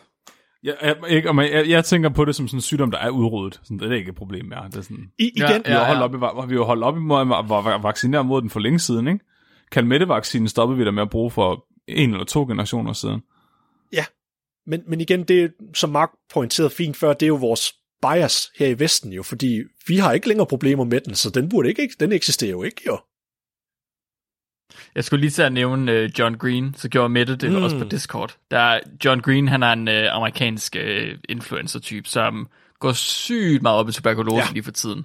Og har lavet mange, mange, mange forskellige forklarende videoer om, hvordan at alt relaterer sig til tuberkulose, og tuberkulose er basically det dødeligste, vi har ja. Ja. i verden lige nu. Men der er ingen, der ved det. Præcis. Vesten. Og, Det er faktisk, at det danske sundhedssystem er baseret på tuberkulose. Altså, det, det er grunden til, at vi har sundhedssystemet i Danmark. Det er opbygget for, at de er tuberkulose. Ja, det er rigtigt. Det var fordi tuberkulose var så stort et problem, at man begyndte at lave et sygesikringssystem, altså sådan så enker kunne få øh, hjælp øh, efter deres mænd var døde af det, og så man kunne oprette sanatorier, hvor folk kunne blive indlagt og sådan noget. Ja. Så det, er altså, Fuck, det er ja, så det, grunden til, at vi har øh, velfærdsstaten i Danmark, det er på grund af, at tuberkulose var et Ja. stort problem. det, det er også, så- som du nævner, Flemming, sanatorier, og faktisk største af alle de sanatorier, der er rundt omkring i verdenen, de blev bygget til tuberkulose-patienter. Ja. Størstedelen af tiden. Vi skulle have haft et helt afsnit kun om ja, tuberkulose. lige før egentlig, lige før. Det, det er ekstrem indflydelsesrig. Altså, man, man siger altså, den effekt for eksempel pest har haft, altså, det er nok den og pest har haft de største kulturelle påvirkninger i den menneskelige civilisation af sygdommen nok. Bare for at putte, penge, ting, ja, bare for at putte tingene i perspektiv. Det er vanvittigt. Ja. Fuldstændig vanvittigt. Men Ved I, hvordan man behandlede tuberkulose? Punkteret lunger eller sådan Ja, noget? man, man ja. punkterede folks lunger med en nål, så de kollapsede rundt om tuberklen, altså tuberkulosevæksten i lungerne, og så pustede man deres lunger op igen. Ja. Og det gjorde man så gentagende gange, indtil man havde gjort det så mange gange, at lungerne simpelthen sådan havde klemt tuberklerne sammen til en klump, der ikke rigtig spredte sig længere. åh, Er det ikke lækkert? Jo. Jo, det er dejligt. Så ja, som jeg sagde, er omkring en, en tredjedel af verdens befolkning har TB. Og det lyder meget, så hvordan kan det være, at det antal af døde mennesker om året det er så lavt i forhold til en tredjedel? Og det er fordi, at det kun er omkring 10% af den tredjedel, der har det i en aktiv form. Fordi tuberkulose, den er ikke lige så slem som spedalskhed, altså i hvor lang tid den er om at dele sig. Det er cirka inden for sådan 20-24 timer, at den deler sig, så den er meget langsom. Og lige så snart man får den, så går den i en latent form, altså i, en, i sådan en dvaletilstand størstedelen af tiden. Ja, 10% ud af den tredjedel, de har den i en aktiv form lige så snart, når de får den. Men de resterende 90%, de har kun en 5-10% chance for, at den senere hen i livet kommer i udbrud. Okay. Men det her, ligesom i spedalsket, så kan det her tage flere år. Altså, der er, er case studies, hvor uh, der er folk, de først har fået det, mens de var 80 eller sådan noget. Okay, Altså- altså, så der er en reel mulighed for, at du bærer af det egentlig? Ja. Baseret på, at du har et familiemedlem, der har haft det i udbrud? Ja. Så, så højst sandsynligt er der nogen i din familie, der bærer det lige nu, Yes. uden det udbrud? Ja. Shit, man. Ja. Når du bliver 80, Nikolaj, og du, og du begynder at hoste lige pludselig, så skal du blive bange. Men det er også lidt cool, at det ikke godt kan sige, at man har TB. Og det er faktisk lidt sejt. Når du bliver 80, så begynder hosten. Ja, ja. Bob, Det eneste humane. tager vi det om bag, så tager vi det om bag nej, vi punkterer hans lunger med en nål oh, please don't. og puster dem op igen. Uh, ja. Brænd mig i stedet for. Please, bare brænd mig. Vi, vi ræver ham, Ja, ja, med kviksøl. Vi kurerer ham. I, kviksøl og kødnåle. Oh. Ja, Og masser af salt.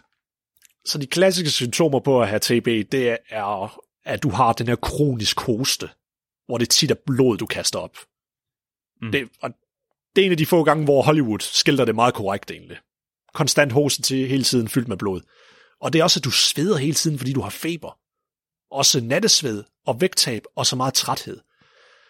Altså tidligere, der kaldte man bare TB for tæring. Fordi det, du kan se folk, de bare mm. sådan stille og roligt bare sådan tæret væk. Altså det blev sådan helt, ja, de blev sådan helt lige blege og helt magre til sidst. Og, og det kunne tage noget tid, inden, inden du døde af det. Altså, der kunne godt gå nogle år måske, eller sådan noget, inden du døde af det.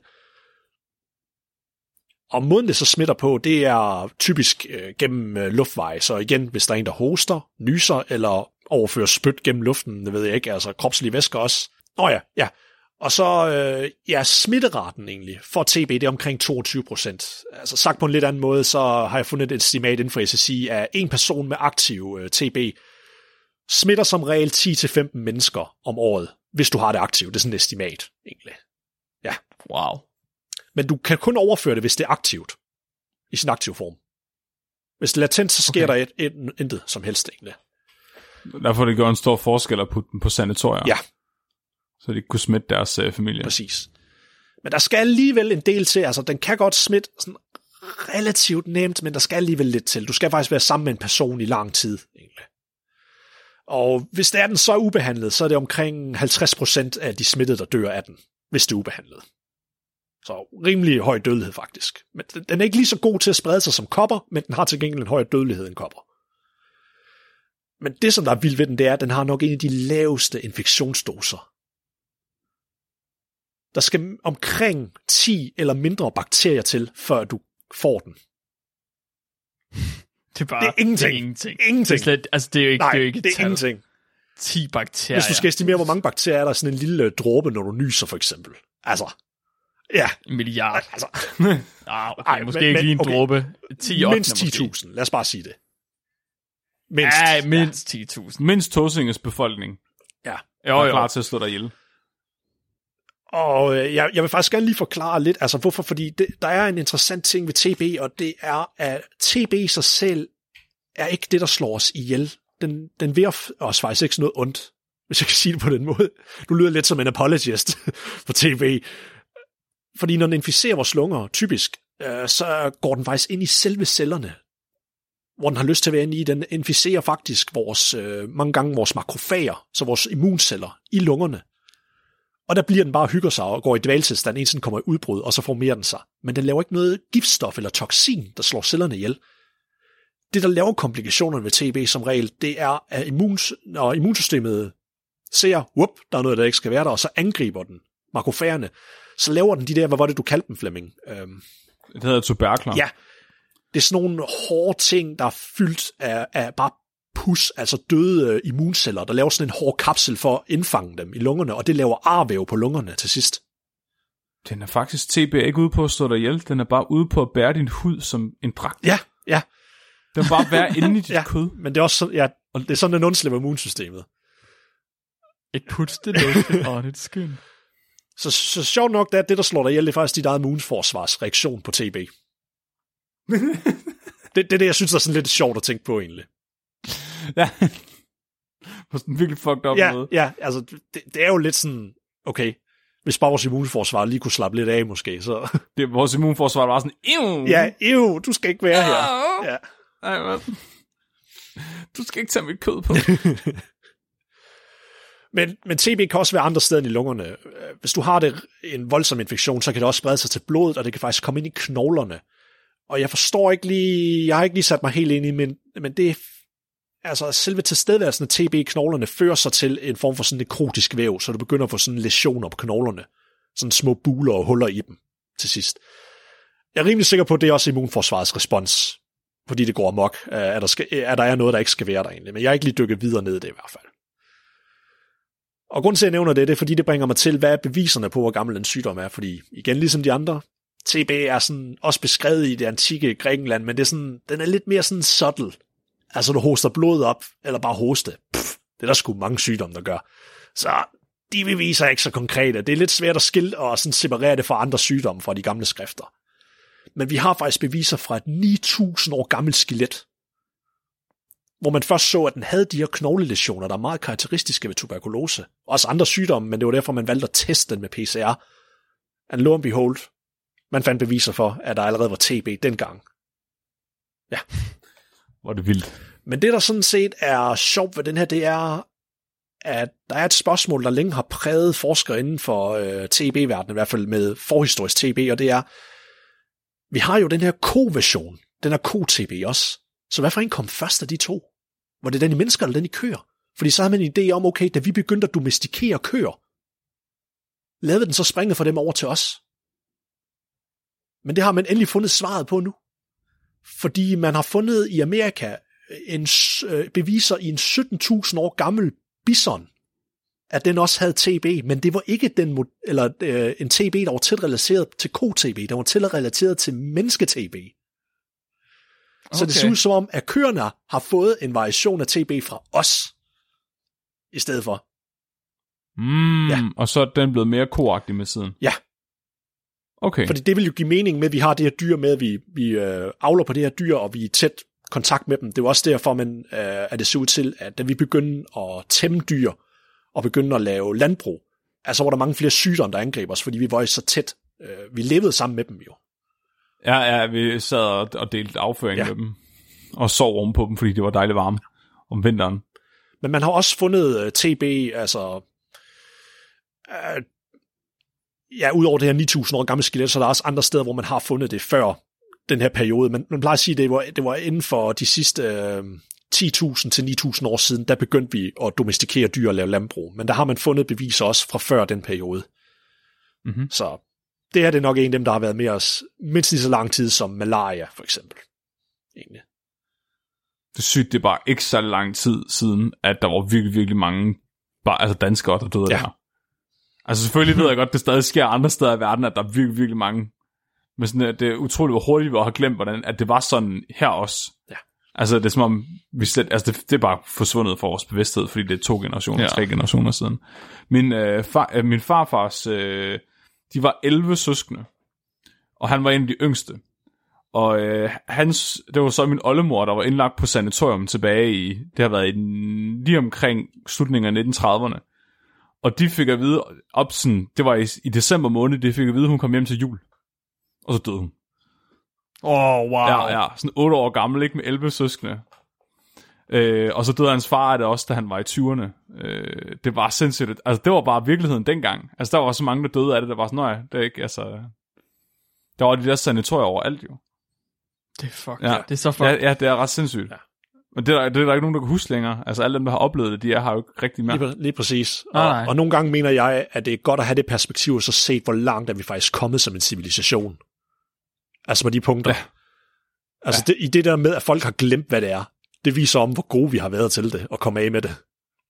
Ja. True. Øh, og, jeg, og jeg glemte faktisk lige at nævne en ting af, hvad den moderne behandling er af TB egentlig. Lidt ligesom i spedalskhed, øh, men lige måske lidt mere voldsomt. Du skal have fire, en, i hvert fald ifølge SSI, så er det behandlingen går ud på, at du får fire antibiotikaer. Fire forskellige. Inden for en periode af seks måneder. Sådan intenst. Okay. Og jeg, jeg kan i hvert fald vidne til, at nu når jeg har set en af, i mit familiemedlem, der har haft det, ja, alle de symptomer, det var præcis det, som personen havde også egentlig. Og Vildt. Uh, uden at fortælle, hvem det er, så kan jeg godt gå lidt... Hvis I vil have, at jeg fortæller, hvad, hvad jeg har oplevet med det egentlig, hvis det er. At det var, det Ja, var, ja, det er det det er fedeste. nøjagtigt. Jeg undskylder dig ud, hvis det er, at du ved godt hvem, selv, hvem du er, men, men det, det, jeg bliver nødt til at dele det, fordi jeg er mikrobiolog. Det, det, det er fucking fascinerende, selvom jeg synes også, det er meget tragisk, og det var selvfølgelig ikke sjovt jo. Um, så i en lang periode, der var personen sådan syg og gik til lægen, og de sagde, jamen du har nok bare en influenza eller noget, og de blev ved med at teste og teste, jamen det var ikke det her, det var heller ikke lungebetændelse og sådan noget, og så lige pludselig så kom hun sig, hun fik lidt antibiotika, og så lige pludselig, så, så stoppede det bare, og så gik der nogle få uger, så kom det tilbage smok, altså det var sådan, så hun, øh, ja nu har jeg sagt hende, okay, nu siger jeg ikke mere end bare at sige hende nemlig, at hun begyndte vidderligt sådan at vælte om i træthed derhjemme. Og øh, ambulancen skulle komme og hente hende, og det var først der, da ambulancen kom og hente hende, de så videre testede, så fandt de ud af, meldte de tilbage øh, med det, hvad det var. Og lige der, da hun skulle med, med ambulancen, så snakkede jeg med, øh, med min mor om det. Og der sagde jeg bare for sjov sådan til hende. Det, det der, det lyder sgu meget sådan, det kunne, du, det kunne da være lidt, lidt sådan sjovt, hvis det var det der, hvor TB, for det lyder det meget som, sagde jeg. Og så viser det kraftigt med det. så viser kraftigt med det er tuberkulose. Shit, man. Åh, oh, hvor er det Ja. ja. vanvittigt. For det, af en eller anden grund, det var først, der poppede op i mit hoved, så tænker jeg bare, at det der det lyder så meget som TB. Hvor lang tid tog det så for hende at komme sig over det? Altså, hun, hun er stadigvæk i behandling, hvis jeg lige husker, eller tæt ved at være færdig nu. Ja, så det er de der flere måneder antibiotikabehandling. Men lige så snart inden for de første to uger, da hun kom på den her behandling, så havde hun det meget, meget bedre. Men Ja. det er en lang Men periode, det- du skal, du skal have det, for ellers så slipper du ikke af med det, så kommer det bare igen. Er, Ja. er det ikke også svært, øh, altså en af grundene til, at det er svært at antibiotika-behandle den, det er, fordi den er inde i vores celler, ikke? Altså, Yep. der kommer antibiotikaen jo ikke rigtig Det er både det, men også som Mark og jeg, vi kort snakket om, at når det er en mikrobakterium, den har den her fucked up cellemembran, der ikke er ligesom andre, og det er derfor, det er så svært at finde Ja. ja. noget, der behandler den. Så det er en blanding mellem det, men også fordi den gemmer sig inde i vores celler. Og så skal der kun én til at, at forårsage infektionen, så du skal dræbe dem alle sammen. Cirka omkring 10, eller sådan noget. nemlig, Ja. For at slutte hele afsnittet af, så nu når det er Halloween, så kan jeg komme med den store sådan skræmmescenarie, og det er TB her de sidste par år har været on the rise i tilfælde, og der kommer mere og mere antibiotikaresistent TB, og det er derfor, at folk de er bange for sådan en ny coronavirus og sådan noget der, og en ny øh, spansk syge kommer frem. Det er selvfølgelig også skrækscenariet, men indtil videre, jeg vil mere være bange for, at vi begynder at få mere multiresistent TB, fordi grund til, at den Ja. stadigvæk er i en tredjedel af verden, det er på grund af, hvor dyrt behandlingen er. Vi snakker fire forskellige antibiotika over seks måneder. Det er en ekstremt Mm. dyr behandling. Ja. Og, det, og det er derfor, det bare ikke er praktisk at behandle sådan en stor population af menneskeheden. Og hvis vi begynder at få multiresistent TB, så kollapser vores samfund. Altså, jeg kan ikke sige det på andre måder. Så bliver 19, 1920'erne Ja. igen. Eller Så åbner vi et sanatorium på Tåsinge og lever af det. laver bare hele Tåsinge om til sanatorie. Ja. Hvor vi får folk til at fast. Uhu. Det er en god Det var idé. det, jeg havde i dag, folkens. Tak, Nikolaj. Be- be- Det var fandme, beklager, det blev et noget længere afsnit, jeg har regnet med. Sorry. Det, jeg synes, det var spændende. Jeg synes, det er sjovt lige at få dem alle sammen sådan lidt på række også. Altså, jeg ved, fl- flere af dem har vi snakket om før. Men det er også lige fedt at få dem altså med noget kontekst til, hvor fuck de kommer fra. Altså, øh, og, og, hvornår de kommer igen. Det synes jeg, det er jo det mest uhyggelige. Om der er nogen, der åbner en fryser i, øh, i Rusland, og vi så får kopper igen. Eller om øh, tuberkulose bare bliver den nye superbug, vi ikke kan komme af med. Shit, man. Vi håber fagterapi. Kom så. Ja. You can do Ja. it. Vi bliver nødt til at lære at bekæmpe bakterier med virus. Fucking uhyggeligt, Nikolaj. Jeg tænker, vi springer lytterspørgsmål over i dag. Oh, oh really? øh, ja, jeg, ja, ja det, det tænker jeg, det, det, det gør vi. Jeg vil gerne sige tak til alle dem, der støtter os på tier. Tierpengene går øh, til sjov og løjer med podcasten. Det går til Bayer-studie. Det går til, at vi kan fortsat have vores øh, hjemmeside og podcasten op på Spotify. Så det er øh, alle de kedelige udgifter først, og så sjov blade bagefter. Så Mm. hvis man gerne vil vide, at ens penge, de går direkte til content, så tier den bedste måde at gøre det på. så tusind tak. Og crazy forresten, at vi har så mange tierstøtter, som vi har i forhold til vores lytterantal. Det synes jeg er helt vildt. Ja, der, er- der er virkelig, virkelig mange. Men der er jo også nogle fordele ved at blive del af tier. Ja. Fordi hvis man bliver del af tier, så kan man jo sidde med på Discord, ligesom alle dem, der sidder på Discord lige nu, og lytter med øh, live, og man får adgang til vores Google-drev, hvor der er afsnit uden reklamer, og en masse bonusmateriale, og billeder af Flemmings fødder. Med og uden neglelak. Ja. Dem, har vi ikke, dem har vi ikke gjort øh, reklame for i lang tid. Jamen, de er der stadigvæk, øh, med neglelak på og det hele. Det var dengang, der ikke skulle mere til, for, altså, og så blev det harmonika, og nu har jeg fået min egen undergang snart. Apropos fortidens redsler. Ja, min mor øh, kommer snart på podcasten forhåbentlig. Nu må vi se. Hun er begyndt at gå og plage om, hvornår hun skal med. Øh, og hendes kollegaer på arbejdet er begyndt at spørge ind til. hvor- Det, det er så mærkeligt. Ja. Det er så mærkeligt. Så ma- det kommer. Det jeg tror kommer, faktisk, det kommer. at Mark er begyndt at blive mere nervøs for det end mig. at... Hvis jeg skal forberede et afsnit for helvede. Det, det skal du. Uh. Jeg tror faktisk, at min mor kunne freak dig ud også.